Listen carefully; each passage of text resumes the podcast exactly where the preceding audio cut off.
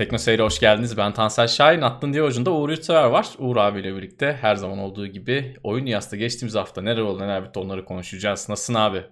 İyiyim Tansel seni sormalı. İyiyim abi. Bu sefer izleyicilerimizin karşısında bir canlı yayınla değil bir bant kaydıyla eski yöntem old school şekilde onlarlayız. Gündemi bu hafta böyle yapacağız. Çünkü yarına bir yayın var değil mi yanlış bilmiyorsam? Evet, evet. Yarına bir yayın olduğu için iki yayın çakışmasın diye önden kaydı yapacağız. Hı-hı. Ama siz her zamanki orijinal saatinde izleyeceksiniz. Belki 1-2 evet. saat erken belki 1-2 saat geç gelir bilmiyorum ama gününde gelecek haberiniz olsun. Evet biz pazartesi günü çekiyoruz gündemi. Evet yani yarın çok büyük bir satın alma olursa haberimiz evet. olmaz. Ki kesin olur evet. bak bayağıdır da yapmıyoruz. Tam da eli kulağında yani canlı yayında yeni bilgiler geldiği zaman izleyicilerimiz bizle paylaşıyor. Biz de ara sıra ufak tefek böyle güncellemeler yapabiliyoruz gündem ortası ama burada öyle bir imkan evet. tabii ki olmayacak. Bakalım. Evet, gol yemek için uygun ortam hazır şu an. Evet, şimdi ilk maddeyle başlayalım. Üzücü bir haber. Ee, evet, bu hafta bizi çok üzdü. Beni çok sevdiğim bir abimizdi. Tetris efsanesi Jonas Neubauer hayatını kaybetti. Evet, üzücü bir haber gerçekten. 2010'dan beri düzenlenen Klasik Tetris Dünya Şampiyonası'nın ilk turnuvasından itibaren 7 sene arka arkaya kazanmış. Evet. Gerçek bir Tetris efsanesi. 38 yaşında aramızdan ayrıldı ne yazık ki. Eşiyle birlikte Hawaii'de yaşıyorlarmış. Ee, aniden rahatsızlanmış, hastaneye kaldırılmış ama kurtarılamamış. Nedeniyle alakalı ben bir açıklama göremedim ama çok üzücü bir haber. Yani sadece tüm zamanların en iyi Tetris oyuncusu değil, elektronik sporlar için de çok önemli bir figürdü. Kesinlikle. Çok sevilen çok sevilen bir insandı. Hem işte yetenekleriyle hem de turnuvalarda çizdiği böyle e, olgun ama evet. eğlenceli tavırlarıyla e, çok tatlı bir abimizdi. 7 yıl arka arkaya şampiyon olduktan sonra çok genç bir Çinli mi? Tayvanlı mı? Öyle birine kaybetmişti. Evet 16, 16 yaşında. yaşında. Evet. Ee, ama tüm zamanların en büyük Tetris oyuncusu. Ben ara ara böyle sıkıldığım zamanlar bir şeyler yerken falan izlediğim oluyordu eski turnuvalar açıp eski maçları açıp. Hı hı. Üzücü bir haber oldu. Ben de senden öğrendim haberi e, bana yolladığın WhatsApp'tan. Çok üzüldüm o anda görünce böyle bir an. Çünkü çok genç. E, evet. Hem çok genç hem çok sevdiğimiz bir, bir figürdü gerçekten. Evet şey gibiydi yani böyle şimdi atari salonunda internet kafelerde bazı böyle büyük iyi şefkatli abiler olurdu. Şimdi elbette orada biraz daha böyle e, değişik ruh haline sahip abiler doğurdu. Onlar da kötü değildi esasında ama böyle çok sempatik hani abilik yapmak için doğmuş evet. e, karakterde tipte bir abimiz gibi duruyordu. Açıklamaları çok mütevaziydi. Böyle kameraya bakışı, oyun oynayışı falan çok bence sempatikti. Yani çok. E, gerçekten bir abimiz gibi hissediyorduk. Ben de senin gibi çok izledim. E, isteyenler de hala izleyebilirler. Gerçekten bir Tetris efsanesi. Buraların Daigo'su diyebiliriz. Tetris'in e-spor olduğunu muhtemelen izleyicilerimizin birçoğu bilmiyordur ama Tetris için de yıllardır aslında turnuvalar yapılıyor. Son evet. 10 yılda her e-spor oyununa olan ilginin artmasıyla birlikte Tetris'te tekrardan böyle bir ikinci baharını yaşadı desek herhalde yanlış olmaz. Doğru. Doğru. Abimiz de Jonas abimiz de bu ikinci baharın en büyük aktörlerinden biriydi. Valla Allah rahmet eylesin toprağı bol olsun. Çok üzüldük. Çok sempatik bir insandı. Evet. Toprağı bol olsun. Evet. Resmini de koyarız. Çok da yakışıklı bir abiydi. Evet. Evet. Bu arada WhatsApp'tan attın dedin. WhatsApp'ı kapayacağım mı abi? Hemen araya sorayım. evet. WhatsApp'ı kapıyoruz. Nereye geçiyoruz? Bip mi kuracağız? Bip de olabilir. Signal de olabilir. evet. Rüzgar nereye götürürse. Yok tabii ki evet. kapamıyorum yani. Evet. ICQ falan dönse hani böyle güzel bir şekilde ama tüm herkes dönecek olsa ICQ'dur, MSN'dir. Ben düşünürüm belki de alternatifler Doğru. beni çok sarmadığı için mesajlarımızı paylaşabilirler. Yani Uğur abiyle olan mesajlarımızı Facebook yani, yetkilileri okuyup yarın bir gün karşınıza çıkarabilirler. Haberiniz olsun. Evet. Ee, biz kendimizi feragat ediyoruz artık. Evet yani çok da kafaya takılacak bir tarafı yok yani. Durumun Levent abiyle Murat geçtiğimiz haftanın gündeminde gerçekten güzel noktalara parmak basmışlar. Biz hani tekrar yenilemeyelim. Biz de aynı şeyleri düşünüyoruz. Evet. Ee, öyle tabii bir, bir yana da şeye bağımlısın yani çevrene bağımlısın ya herkes Telegram kullanmaya falan başlarsa mecburen kimse kalmazsa WhatsApp'ta mecburen şimdi ben de Telegram'da yüklü birkaç yıldır. Hı hı. Birkaç gündür sen, sen de yaşamışsındır. Yani onlarca insan Telegram yüklemeye başladı. Bir sürü bildirim geliyor. Şimdi herkes Telegram kullanmaya başlarsa mecburen oraya kayıyor. Ya WhatsApp kullanmaya da aslında öyle başladık bir anlamda. E tabi ya bu şey Ee, değil yani e, cep telefonundaki işte film izleme uygulamamı MX Player'dan işte Tansel Player'a geçirdim Evet. değil. Yani bu Öyle şey insanlarla birlikte yapılması gereken bir değişim. Ben muhtemelen ama ya çevremdeki birçok insan aşağı yukarı benimle aynı fikirde Öyle, gibi benim de. gördüm yaptığım tartmalardan dolayı. E, o yüzden ben muhtemelen geçmeyeceğim. Hani rehberimin yarısı geçse bile kalan sağlar bizimdir diyeceğim. Telegram Öyle ben yani. de Hepsi kullandım. zaten. Evet hepsi Telegram ben de kullandım bir ara. Şeyi çok iyiydi mesela. PC klienti çok iyiydi. Yani PC'deki Evet. o programı WhatsApp'ınkinden kat kat iyiydi. Sonra kullanmayı bıraktım ama o çok iyiydi yani. Keşke WhatsApp'ta da Evet. öyle bir şey olsa. Bağlı olmak gerekmiyordu değil mi? Yok yok evet bağlamak gerekmiyordu. Ya Yani ama telefonun- ve de çok güzel çalışıyordu. Evet ve WhatsApp'ta. çok güzel çalışıyordu. Bizim o eski Evet. MSN gibiydi aynı. Yani programı Evet. aç direkt yaz. WhatsApp'ta sanki böyle ben kullandığım zamanlar WhatsApp'ın tarayıcı e, tarayıcı demiştim işte PC programını kullandığım zamanlar sanki böyle bir tarayıcı içeriden açıyor gibi böyle bir hantallık vardı. Şu an Evet. nasıl bilmiyorum ama Telegram o konuda hep iyiydi yani. Telefonun bağlı olmasını gerektiriyor zaten WhatsApp Evet, bildiğim kadarıyla. O bazen Hı hı. sıkıntı yapıyor. Telefon bağlanamıyor, kopuyor. Ben Evet. çok sorun yaşıyorum yani WhatsApp'ta, PC tarafında. Ama Evet. Telegram iyi dediğin gibi. Telegram o konuda iyi. Ama bize ulaşmak istiyorsanız WhatsApp'tan ulaşacaksınız. Evet. Sıradaki habere geçiyorum. Jason Schreier'ın Kan, Ter ve Pikseller kitabı Türkçe olarak yayınlanmış abi. Evet, bir dönem Kotaku'dan şimdilerde, şimdilerde ise Bloomberg'den tanıdığımız, yaptığı çok özel haberlerle isminden sıkça bahsettiğimiz Jason Schreier abimiz bizleri oyun dünyasının, oyun geliştiriciliğinin perde arkasındaki konulara götüren e, kitabı Kan, Ter ve Pikseller artık Türkçe. 2007 2017'de piyasaya çıkmıştı kitap. Yani 3 3,5 yıllık bir gecikmeyle dilimize kazandırıldı. Çok güzel bir kitap. Ya bizim de zaten oyun gündemlerinde sık sık konuştuğumuz konularla işte oyun geliştiriciliğinin arkasındaki o cehennemle ilgili işte Dragon Age Inquisition'dan Destiny'ye kadar e, birçok oyunun zorlu hatta zaman zaman çılgınlığın sınırlarında gezinen geliştirilme süreçlerinin de anlatıldığı çok başarılı bir çalışma. E, bence yani oyunlarla ucundan kıyısından ilgili herkesin mutlaka okuması gereken bir eser. Şu Evet. an bazı online kitap mağazalarında çeşitli indirimler de mevcut. Benim şu an bulabildiğim en iyi indirim Kidega'da %50 indirimle 17 liraya alınabiliyor ama işte kargo eğer başka alacak bir kitap yoksa belli bir ücret tutturamayınca kargo ücret de biniyor 10 lira gibi yani 27 lira falan oluyor ama yine de herhangi bir e, kitap mağazasına gittiğiniz zaman 34 lira kitabın fiyatı. O yüzden yine uygun bir şekilde internetten sipariş edilebiliyor. Ben linkinde paylaşacağız zaten. E, Teknoseyir.com üzerinden eğer e, gelip bakarsanız bu konuştuğumuz haberlerin linkleri zaten orada oluyor. E, çok güzel bir kitap yani bence herkesin e, okuması gerekiyor. Yani neler dönüyor oyun endüstrisinde. O oynadığımız oyunlar nasıl ortaya çıkıyor ki Jason Jason Schreier zaten hep bu konularda haberleriyle meşhur işte birçok şirketin o e, stüdyonun aşırı kötü çalışma koşulları işte biz crunch diyoruz. E, işte arka plandaki olaylar e, hep o tarafta çok önemli haberleri de vardı. Mesela onların bir nevi derlemesi gibi e, oyun endüstrisinin arka planında olanlarla alakalı çok güzel bir çalışma. Abimizin bu arada yeni kitabı da bu yıl içerisinde çıkacak. O da yine bir nevi devam niteliğinde yine oyun endüstrisinde yaşananlarla alakalı bir kitap Press Reset olması lazım. İsmi o da bu yıl çıkacak ama Türkçe'ye tabii ne zaman çevrilir? Bir şey söylemek zor. İşte kan, ter ve pikseller eğer e, iyi satarsa Kesinlikle o da Belki- önemli. evet, belki 3 yıl beklemeyiz. e, bunun da Türkçesini okumak için. Evet fiyatı bana çok uygun geldi gerçekten. Evet. Yani ben uzun zamandır kitap almıyorum ama hani her şeyin fiyatı bayağı artmış. Allah'tan hani kitaplar hala alınabilir ölçüde Evet. gibi geldi bana. Bilmiyorum kitap severler. Evet. Ben de aynı düşüncedeyim ama gerçekten 17 lira. Tam fiyatı bile olsa 34 lira bile olsa bence çok çok iyi. Yalnız tanıtım metninde şöyle bir ifade var. Belki site yanlış yazmıştır. Belki her yerde yanlış yazıyordur. Bilmiyorum ama belki de yanlış çevrilmiştir.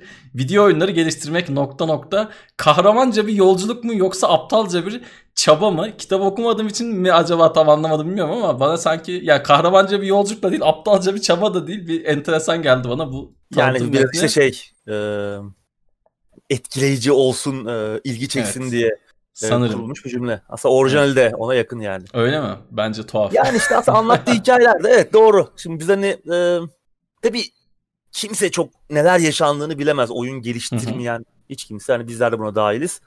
Ama hani e, bazı belgeseller falan da vardı geçtiğimiz e, şeyler hatırlarsın geçtiğimiz yıllarda özellikle bağımsız Hı hı. oyunlar YouTube üzerinde olan. e, çok çok güzel e, çalışmalar var. E, orada da onlara da bakınca falan aslında hani gerçekten hem e, çok büyük bir çılgınlık bir yandan bir yandan da aslında o sürecin kendisi aslında başardığın zaman ve iyi bir şey ortaya çıktığı zaman bir nevi kendi içinde aslında bir kahramanlık da barındırıyor.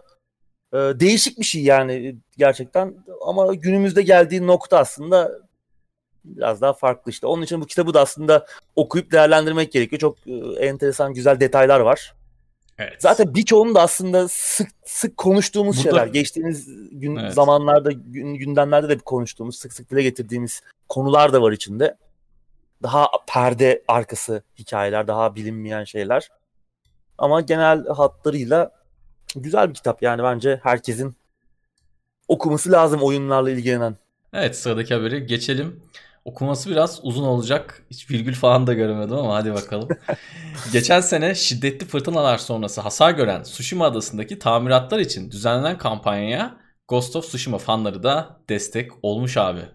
Evet, geçtiğimiz Eylül ayında Japonya'nın Tsushima adasında çok şiddetli fırtınalar ortaya çıkmıştı ve adada ciddi tahribatlara neden olmuştu bu ve ardından da restorasyon çalışmaları için bir kitle fonlama kampanyası başlatılmıştı bu restorasyon çalışmalarına destek olması amacıyla.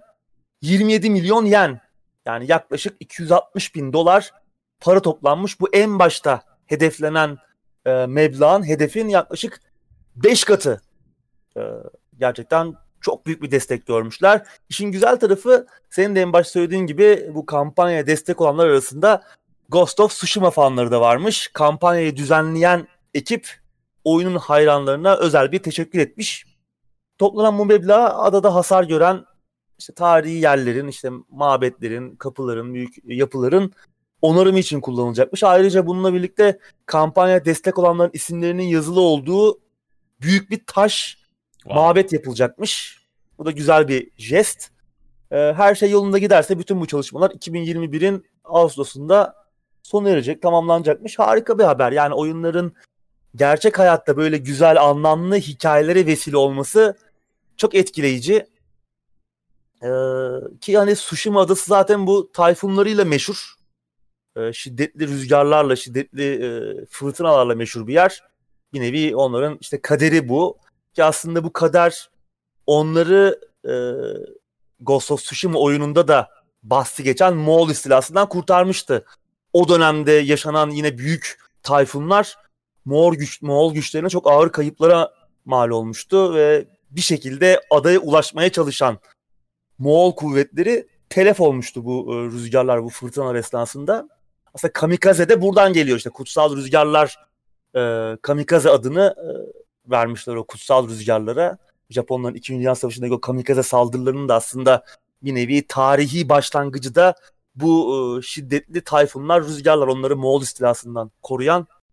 Ghost of Tsushima'nın tüm dünyada çok sevildiğini, beğenildiğini söylemiştik abi. Hem batı tarafında hem de Evet. bu tarz işleri genelde pek beğenmeyen Japon uzak doğu tarafında da çok beğenildiğini söylemiştik. Gerçekten bu da sanki onun bir özeti gibi olmuş. Burayı daha önce hiç görmemiş, hiç bilmeyen insanlar oyundan böyle yola çıkarak oradaki Evet. o atmosferi sevdikleri için bir şekilde hani çorbada bizim de bir tuzumuz olsun demişler.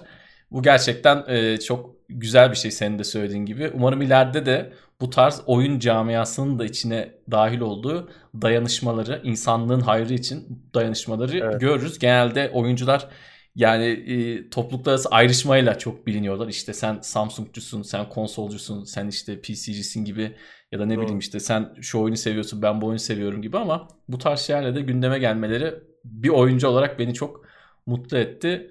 Evet, Hakikaten güzel bir haber. Bu da oyunlar aslında ne kadar hayatımızda etkili. Son yıllarda hayatımızda ne kadar önemli bir yer kaplıyor. Onu da gerçekten ispatlar nitelikte. Evet. Evet sıradaki habere geçelim. Battleborn'un sunucuları 25 Ocak'ta kapanıyormuş abi. Evet geçen sene duyurulmuştu kapanış tarihi. İşte o vakit geldi çattı. Büyük bir başarısızlık örneği tabii Battleborn. Yani bir oyun hem de tam fiyatlı AAA fiyat etiketiyle piyasaya çıkmış bir oyun çıktıktan 4-4,5 yıl sonra tamamen kapanıyor. Kepenkleri indiriyor. Yani oyun artık tek kişilik modda dahi oynanamayacak. Yani o kadar rezil çok berbat bir oyun muydu? Değildi. Değildi ama iş modeli sıkıntılıydı. Yani tam fiyatlı bir oyun olarak piyasaya çıkmıştı. Kesinlikle öyle bir oyun gibi değildi Battleborn. Yani bir AAA oyun fiyatı etiketiyle piyasaya çıkacak gibi durmuyordu çok. Bir İyi fikirler var falan vardı sanki sözlü kesme ama oyunun çıkışıyla birlikte hemen bu season pass'ler falan direkt hemen evet. yanına entegre olarak geliyordu diye hatır ya yani entegre demeyeyim de hemen istersen onu da alabiliyordu. Oyun hemen sana onu da satmaya çalışıyordu gibi evet. politikalar vardı diye hatırlıyorum. Öyle. Yani iş model iş modeli çok sıkıntılıydı. İyi fikirler vardı mesela kahramanları oynanabilir kahramanları çok hem çeşitliydi oynanış olarak hem sayısı çok fazlaydı.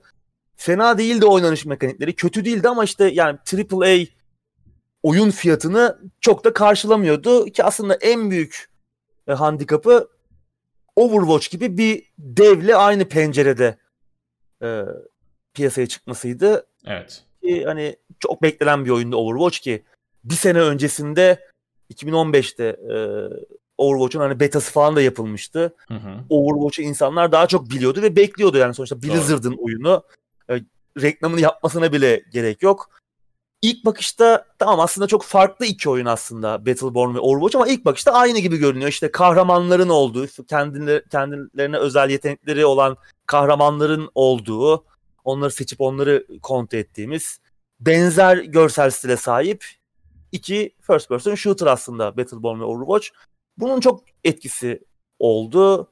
Dediğin gibi işte e, oyunu satıyorsun hem de tam fiyatla satıyorsun. Onun yanında işte başka şeyler de satmaya çalışıyorsun. İş modeli çok sıkıntılı. Belki hani ücretsiz free to play oynaması ücretsiz bir oyun olsa belki daha çok tutunabilir miydi bilmiyorum ya da işte e, çok iyi destek verebilir miydi Gearbox geliştiricisi onu da bilmiyorum ama oyunun temel sorunu iş modeliydi. Yani çok berbat, rezil bir iş değildi. Neler gördük yani. Doğru. E, ama kötü bir planlama. Evet. E, yanlış çıkış penceresi. Yani bence eğer e, doğru zamanda çıkmaması tamam ama hani ücretsiz olarak çıksaydı ya da biraz daha farklı şekilde çıksaydı ben daha çok iş yapacağını düşünüyordum onu. Evet. Çünkü bu oyundan belli bir süre sonra biliyorsun bu tarz oyunlar bir süre sonra çok popüler oldu. Yani nasıl bir Battle Royale çıkıyor 50 tane çıkıyor. Bir MOBA çıkıyor tutuyor 50 tane çıkıyor. Bazı ücretsiz alternatifler geldi ve onlar kendilerine bir kitle edinmeyi başarabildiler. Battleborn'dan daha iyiler miydi, daha kötüler miydi tartışılır ama ücretsizlerdi. Ücretsiz olarak kendine yer edinen bazı oyunlar oldu Overwatch'un yanında. Fakat Battleborn kendine bu yeri benim bildiğim kadarıyla hiçbir zaman edemedi. Çünkü edemedi. tam bu çıkış penceresi herkes Overwatch konuşuyordu. Ben de Overwatch oynuyordum açıkçası o zamanlar. Dolayısıyla yani senin de söylediğin gibi hem para istiyorsun hem yanında bir şeyler satmaya çalışıyorsun. Hem de Blizzard'ın oyunuyla aynı pencerede çıkartıyorsun. İşler biraz... İntihar. Bir evet. çeşit intihar yani. Evet ya da oyunun çok çok çok iyi olacak ki hani kıyas kabul etmeyecek seviyede olacak. Öyle de değildi. Değildi. Dolayısıyla evet. maalesef kapanıyor. Ya şu çok kötü bir şey. Ee, şimdi sen dedin ya oyuna bir daha girilmeyecek. Evet. E para iadesi yapın abi var. Ya da ne bileyim yarısını yatır. Ya da ne bileyim adam ne kadar oyun... Herif çok oynadıysa bir şey yatırma. Sen tamam karşını aldın de de ne bileyim yani bu da aldın öldü bitti yani. Tamam o şey kafasında değilim de oyunları aslında alıyoruz da almıyoruz ya falan kafasında değilim de ya adam belki canı çekecek ya. Bir şekil belki girmek isteyecek bilmiyorum yani. Vardır bunun Şeylerin, da manyağı vardır. Tabii şeylerin sıkıntısı bu. Bu tarz işte online servis evet. oyunlarının sıkıntısı bu. Bir noktadan sonra işte sunucuları kapanacak ve oyunlara erişilemeyecek. Mesela Destiny gibi oyunların da evet. e, sıkıntısı, e, problemi bu. 20 yıl sonra bu oyunları konuşmuyor, oynayamıyor olacağız ama mesela bundan 20 yıl önce çıkmış, 40 yıl önce çıkmış oyunları bile artık bir şekilde oynayabiliyoruz. Kesinlikle, kesinlikle. Ee, ama yeni dönemin, yeni oyun endüstrisinin geldiği bu noktada yeni oyunların birçoğunun ne yazık ki işte bu tarz sorunları var. Evet. Yani ben bu adamların e, sözlü kesim çok ciddi sunucu masrafları olduğunu da sanmıyorum. Yani şu an oyuncuları karşılayamayacak seviyede olduklarını sanmıyorum. Sadece işte belki bakımıyla falan uğraşmak istemiyor. Hatalarını gidermeye uğraşmak istemiyor. Yok yoksa yani kaç oyuncu var da ne kadar maliyet olacak? Gearbox, çok çok azaldı oyuncu sayısı yani, zaten. Evet. Keşke kapamasalar. Bu bence kötü bir evet. tercih. Doğru. Neyse. Sıradaki habere evet. geçelim. Geçelim. Biraz herhalde gülebiliriz bu haberde. Microsoft 20 yıl önce Nintendo'yu satın almak istemiş abi. evet. Şimdi Microsoft'un ilk oyun konsolu Xbox 20 yaşında evet. konsolun tamam konsolun çok pahalıya mal olduğunu, neredeyse iptal edileceğini ve o 2001'in Ocak ayıydı.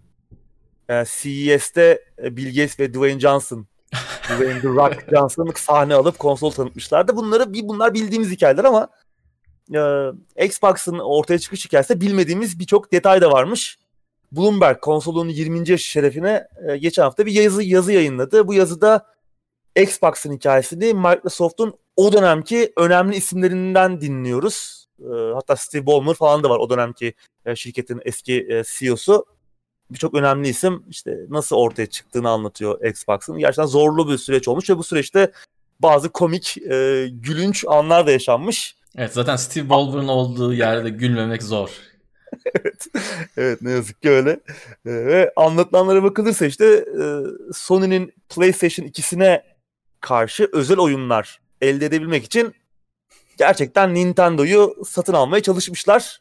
Yani ciddi ciddi bir görüşme olmuş ve e, Nintendo yöneticileri bu teklife deyim yerindeyse kıçlarıyla gülmüşler. E, gerçekten böyle olmuş yani olay.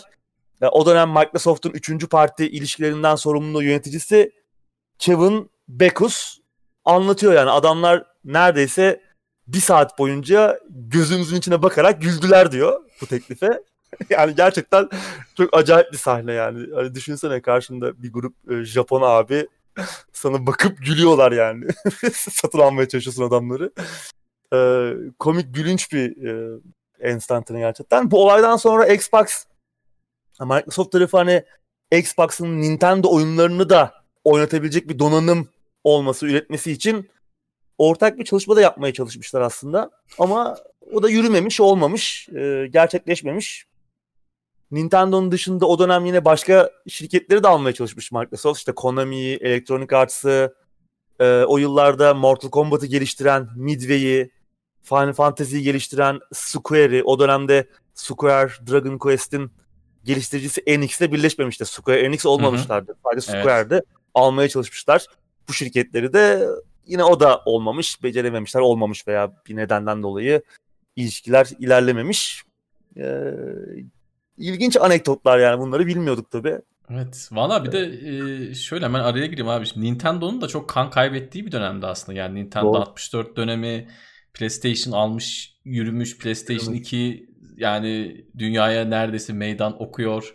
Nintendo'da işler pek iyi gitmiyordu o yıllar. Microsoft'ta kesin çok cezbedici bir teklif yanmıştır ama Allah'tan abiler böyle biraz eski kafalı şekilde hani ne yapıyorsunuz ne ediyorsunuz falan demişlerdir. Microsoft sonuç itibariyle oyun camiasında o yıllar yeni değil. Dünkü çocuk değildi. Oyuncu evet. ekipmanları geliştiriyordu. Çevre birimleri üretiyordu. Oyunlar yapıyordu ama konsol camiasında çok yeniydi.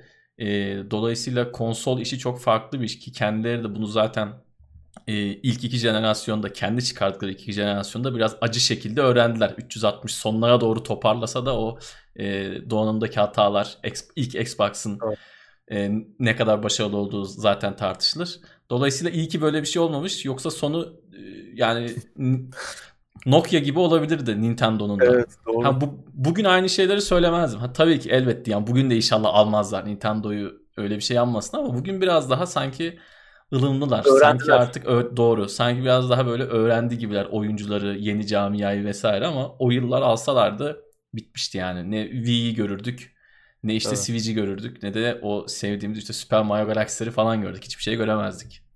Doğru. Doğru Enteresan. ama komik komik bir anı. Yani evet. gözünde canlandı benim o sahne. o görüşme sahnesi. Yani işte adamlar Amerikalı ellerinde dünya kadar para var. Konsol yapacağız direkt alalım demişler baksana herkesin. Ya elektronik Arts'ı alsalardı nasıl sordu bilmiyorum ya. En fazla işte birkaç Battlefield'dan, birkaç Underground'dan falan mı artık mahrum kalırdık. En kötü senaryoda bilmiyorum ama yani bilmiyorum. Bir görmek isterdim o alternatif senaryoyu. O dönem tabii EA'de aslında bu kadar büyük değil. Tabii tabii. Yani yine büyük ama hani Madden'ları falan yapıyorlar tamam FIFA'lar Evet. falan ama bugünkü e, noktada değil. Bugünkü Evet, noktada oyun- gelebilir miydi? Ayrı bir konu. Evet oyunlar zaten PES geliyordu. Yani futbol tarafında zaten rahattık. PES'ten Winning Eleven'dan devam ederdik. Vallahi enteresan. Bilmiyorum gerçekten. Çok tuhaf bir haber. Abileri iki satmamış. Hiç düşünmemişler bile. Evet. Ee, yani, geçmişler. evet çok da e, işler iyi gitmiyorken gülmeleri de onurluca bir davranış olmuş. Helal Evet. diyorum ve enteresan Onların- başka bir... Heh, buyur abi. Onların başka onların bir çıkış e, planı vardır tabii yani Nintendo Kesinlikle. 64 kötü bir konsol değil tamam e, bayrağı PlayStation'a devretmişlerdi ama Hı hı. Ne yaptılar? Başka bir plan geliştirdiler ve şu an aslında o günlerde atılmış adımların meyvesini topluyorlar. Kesinlikle. Kesinlikle. Nintendo 64 çok enteresan bir konsoldur bu arada. Bilmeyenler biraz araştırabilir. Kontrolcüsünden tut. Cihazın kartuşlu olmasına kadar o yıllar millet CD, CD'ye geçiyor. Nintendo hala kartuş takın oynayın falan diyor. Ama o kartuşun içine de o artık kaç megabayt yani emülatörden baktığım kadarıyla bir PlayStation 1 oyunun 20'de biri falan bazı çalıştırdığı Evet, oyunlar. Yani o boyuta o grafikleri o oyunları da gene nasıl sığdırmışlar?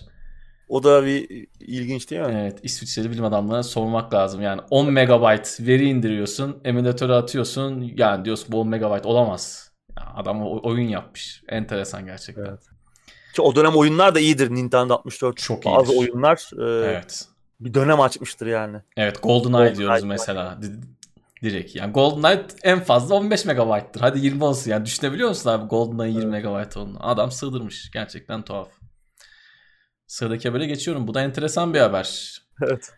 Yani biz bunu seninle e, hafta içi konuştuk zaten de izleyicilerimizle de bir paylaşalım istedik. Xbox kontrolcülerinde değiştirilebilir pil kullanılmasının nedeni Duracell'le olan anlaşma değilmiş. Evet yanlış duymadınız. Yani Xbox kontrolcüsünü tasarlarken koskoca Microsoft olan anlaşmaya göre pil olayını seçebileceğini düşünen bazı e, Çok acayip. yazılar olmuş ve bu ne abi bir Allah aşkına anlat bu.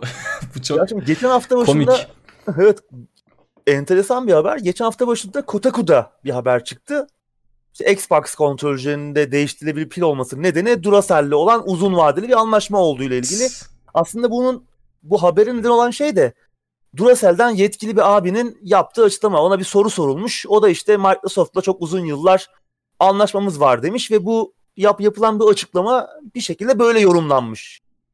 Garip bir şekilde. Daha sonra tabii çok geç gecikmeden Microsoft tarafından e, bir açıklama geldi. Yani tamam evet Duracell'le bir anlaşmamız var ama e, uzun vadeli bir anlaşma ama yani kontrolcünün değiştirilebilir pille gelmesinin, değiştirilebilir pille çalışmasının nedeni Duracell değil tamamen kullanıcıların isteği. Kesinlikle öyle. Kesinlikle öyle. Ya zaten eğer yine sözünü kestim değiştirilebilir olmayan pil kullansan bile yine Duracell'le anlaşabilirsin. Yani, evet, Yani bu, bu gerçekten çok enteresan bir habermiş. Ki Xbox'ta zaten şeyden çok memnundur pillerin böyle olmasından. Ee, ben de çok memnunum yıllardır ki 360'tan beri hakikaten kutunun içinden de Duracell çıkar. Onunla, onunla direkt başlarsın. Sonra da eğer Duracell kullanırsan rahat edersin. Ben gerçi şimdi şeye geçtim. Şarj edilebilir e, yani kalem pil boyutunda bulabildiğim en büyük şarj edilebilir pili aldım. Yani 40-50 saat oynuyorum. Hiç değişmiyorum artık neredeyse.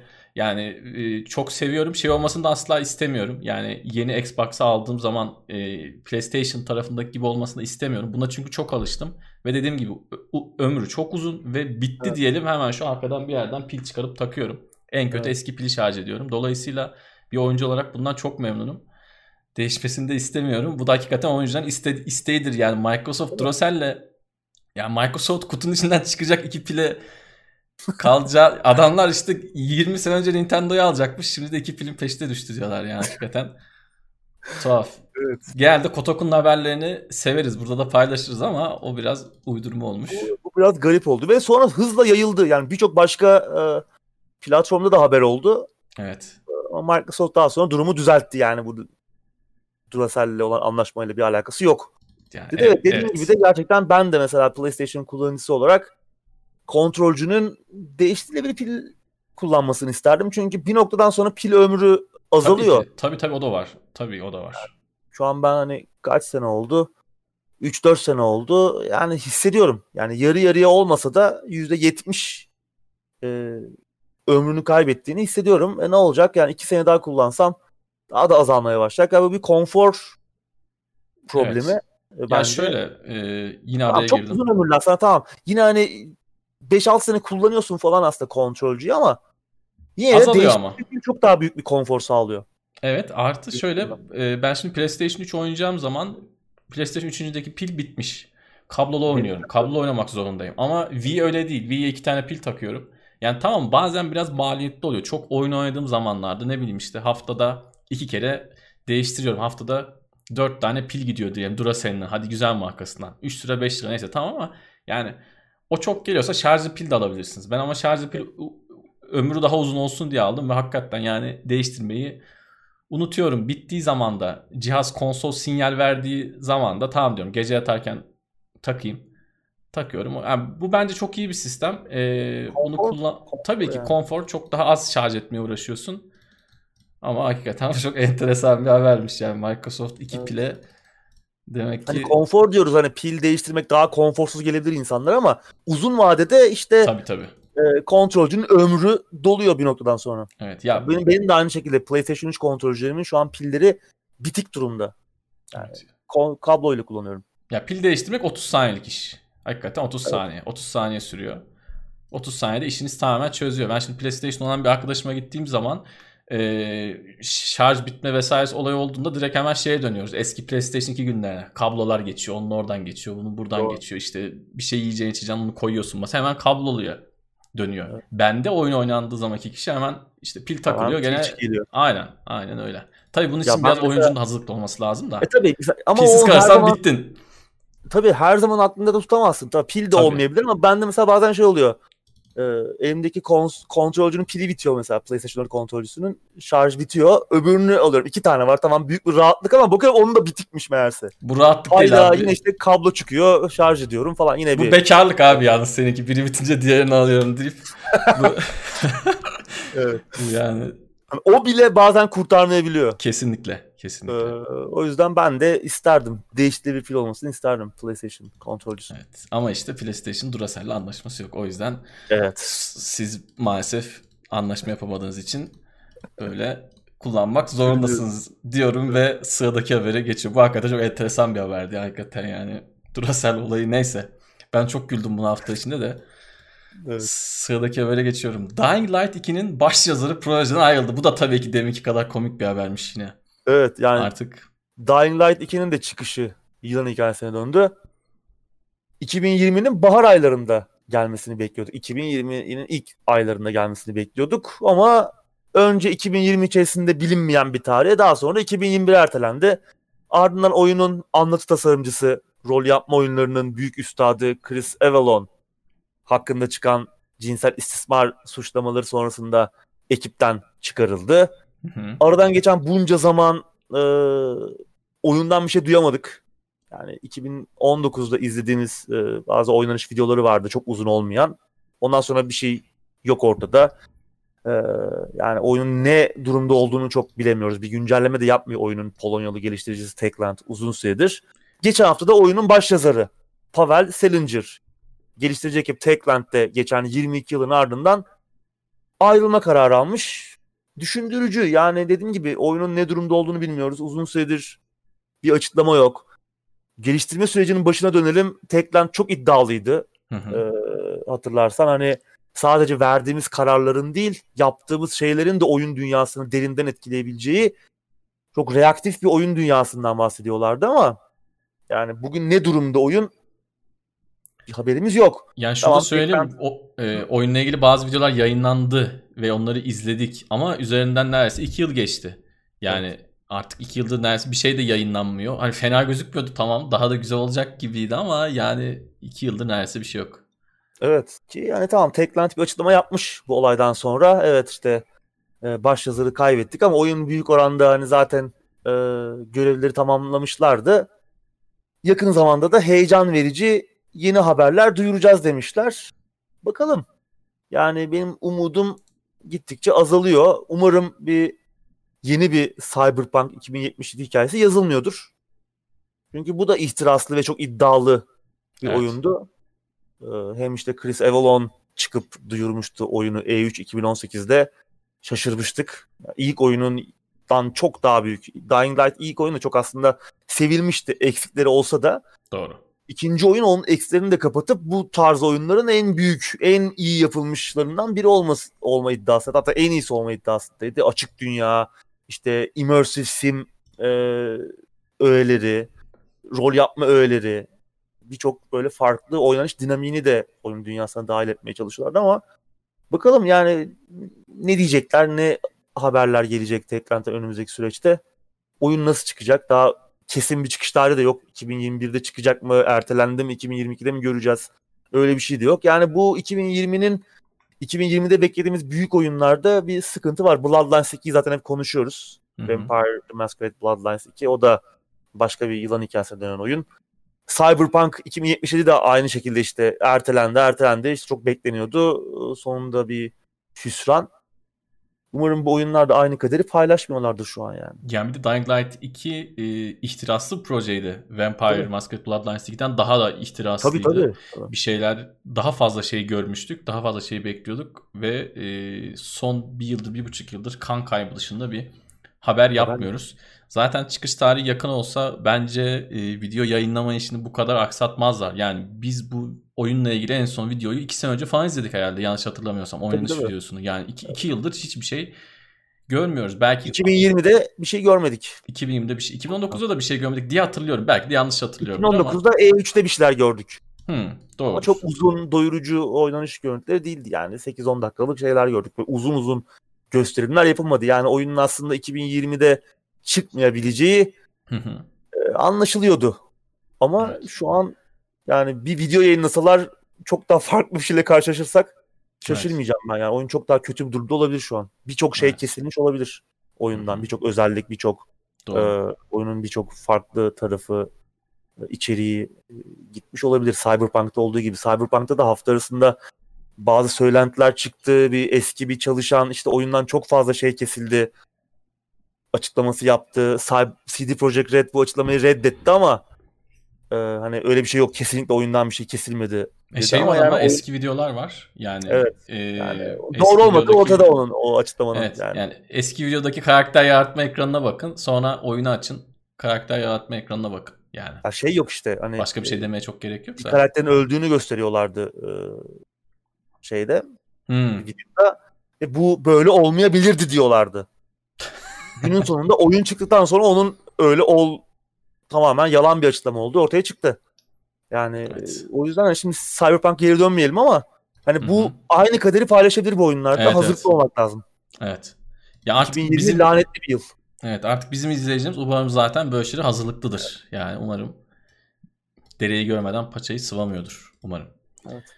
Diyorum ve sıradaki habere geçiyorum. Ben dereyi görmeden paçayı sıvarım ama buna. Yakında yeni bir Tenchi oyunu görebiliriz. Of. Evet. Ya muhteşem bir seri. PlayStation 1 ve 2 dönemlerinin o gizle dayalı aksiyon oyunu furyasının Evet. en büyük isimlerinden biriydi Tenchu. en babası. 16. yüzyıl tabii en babası 16. yüzyıl feodal feodal Japonya'sında geçen e, böyle nefis bir stealth action serisi. PlayStation 1'deki ilk oyun 98 yanlış hatırlamıyorsam. Evet. Stealth Assassins. Sert hassasın. Muhteşem muhteşem bir oyundu. Ben e, biraz videolara falan baktım böyle anılarım tazelensin diye. Oyun çok iyi yaşlanmamış. Evet. Ama e, o dönemin 3 boyutlu oyunlarında olduğu Evet. üzere ama ya, muhteşem bir deneyimdi o zaman için. Kesinlikle. Keza PlayStation 2'deki o devam oyunları da öyle. İşte Wrath of Heaven, işte Fatal Shadows. Yani muhteşem işlerdi. Bir yani hayatımızda Tenchu gerçeği vardı ki işte birçok oyunda aslında Tenchu'dan bir Kesinlikle. şeyler alarak oldu. Mesela Assassin's Tabii. Creed serisi aslında yani bir nevi Tenchu gibi. Hı hı. Ya Ee, o çok aslında fazla ya- besleniyor. Onun arcade'i gibi Assassin's Evet. Creed aslında. Evet. Doğru. Ee, daha sonra tabii oyun başka konsollara da geldi. Yani Wii'ye, Xbox 360'a falan da Tenchu'lar çıktı. Yani sadece PlayStation'a bağlı kalmadı. Son oyun ama 2009'daydı. Tenchu Shadow Assassins. Ben Wii'de oynamıştım onu. Ee, ağızlarda çok iyi bir tat bırakmadı ama son oyun. Evet. Ee, çok iyi bir oyun değildi ne yazık ki. Ben birinci Evet. oyunda böyle çok aklımızı yitirdiğimizi hatırlıyorum. PlayStation 1'de o tuhaf kamera açıları, tuhaf kontroller. Bir de şimdi yükseğe falan çıkman gerekiyor arada binanın tepesine atlıyorsun bir şey. Yani hani günümüz teknolojisi yapısı güzel de adamlar hani hangi yıl ne yapmaya çalışmışlar Tabii. çok çok enteresan, çok zor, çok güzel. Asla unutamayacağım bir oyunda, asla unutamayacağım bir deneyimdi. Kesinlikle. Yani o birinci oyun, o PlayStation Çok zamansız oyun. bir oyun yani. Çok, Zaman çok ötesinde yani. bir oyun. Evet. Bir de adamlar yapmak istediklerini yapabilseler yani teknoloji el vermemiş belli. Evet adam, evet. Adam yani teknoloji el verse herif herif ne yapacak yani hakikaten. Sekiro Mekiro tamam onları da güzel diyoruz. Yani bu tarz bildiğiniz tüm oyunlara güzel diyoruz. Gerçi Sekiro tam aynı şey değil de. Yani hani teknik açıdan enfes bir oyun görebilirmişiz. Ki göreceğiz inşallah. Neyse dur bakalım. Evet öyle görünüyor. Yani şimdi tabii e, aradan 11 yıldır bir ses çıkmıyor. Bir sessizliğe evet. gömüldü seri. Ama görünüşe bakılırsa bu sessizlik yakın zamanda bozulabilir. E, Japon Acquire'ın oyunu e, Tenchu. Aslında e, bu sürece From Software, Dark Souls'tan tanıdığımız From Software sık sık dahil oldu. Hem Japonya'daki dağıtımcılığını onlar üstlendiler hem de bazı özellikle ilk birkaç oyunda geliştirme sürecin Hı-hı. süreçlerinde From Software de var Acquire ile beraber. Acquire'ın başkanı e, Takuma Endo Famitsu'ya bir röportaj vermiş. Japon oyun dergisi Famitsu'ya. Geçen hafta biz Famitsu özeti çıkarmıştık.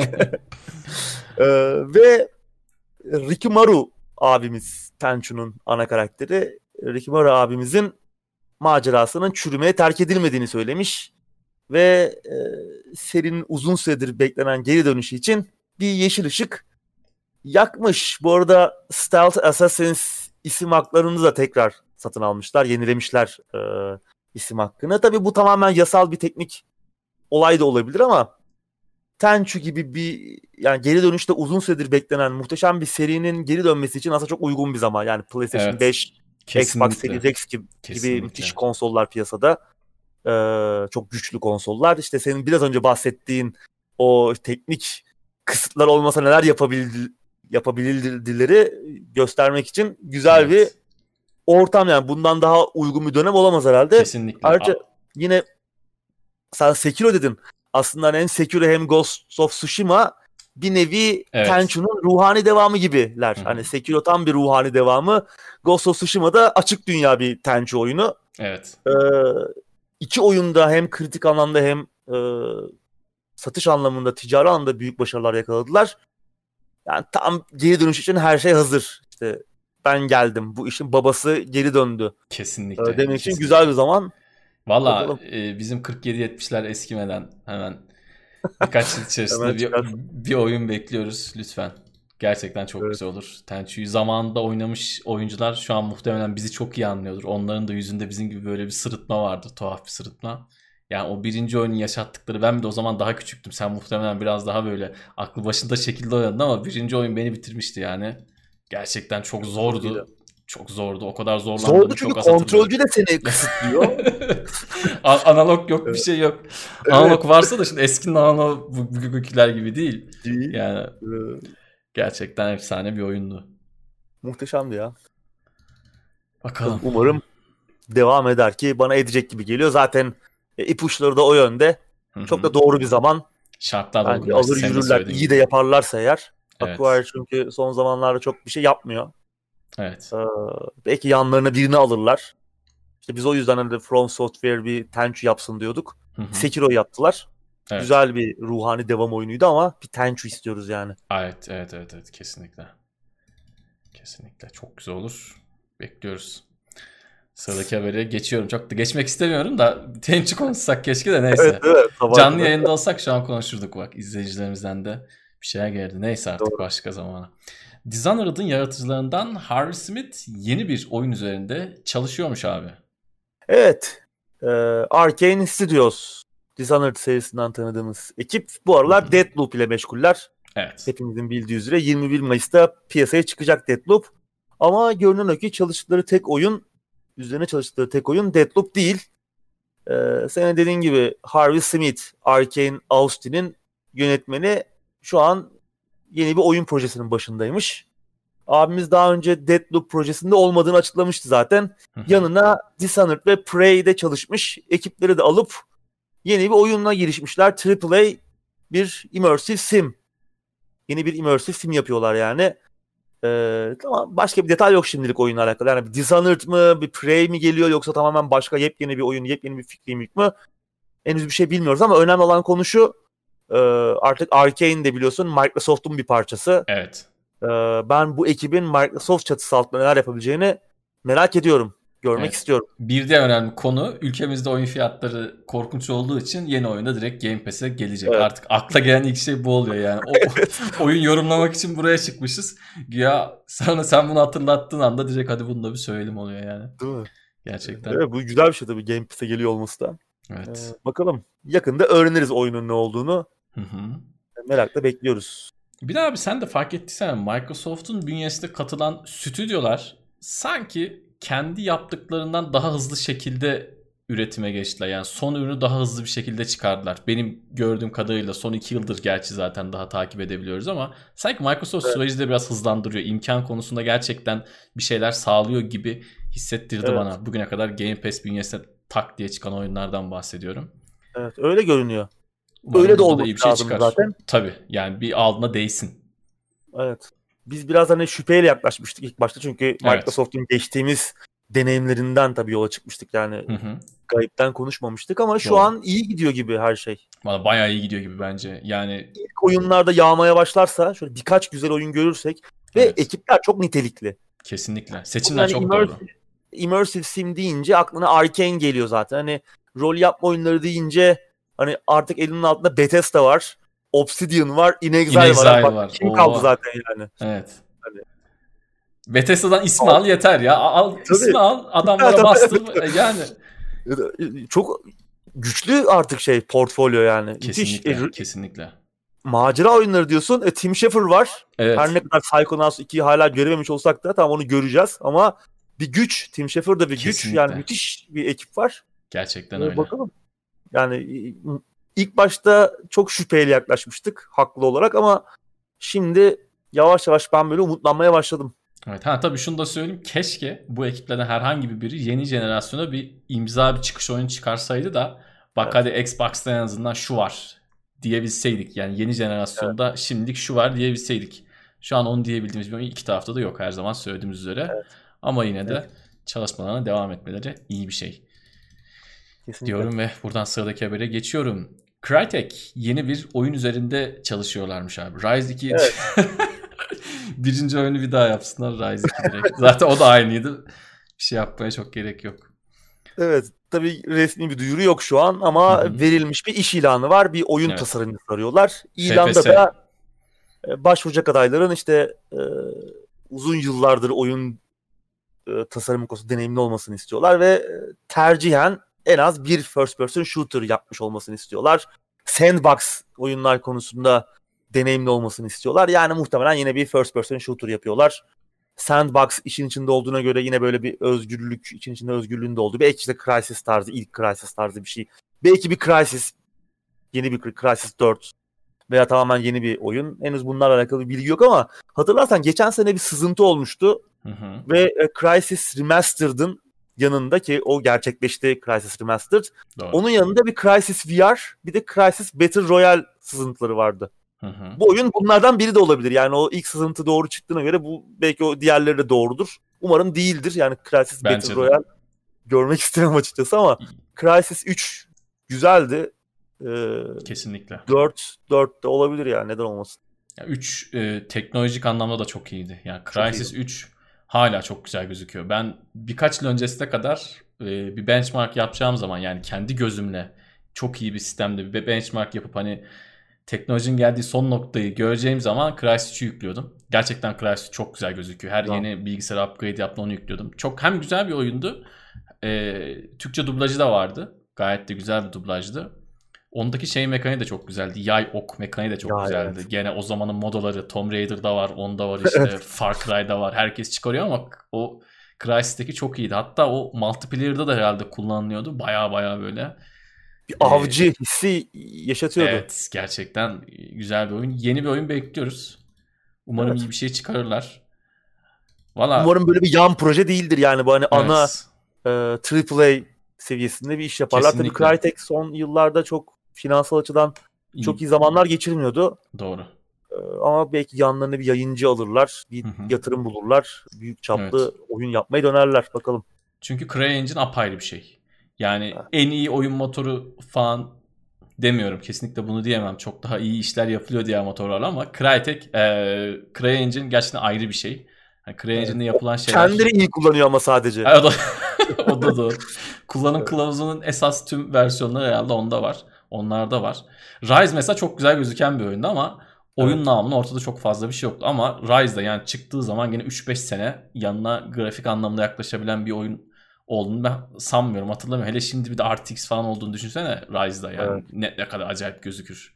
Tabii görsellik oyun işinin yüzde kaçıdır o tartışılır da.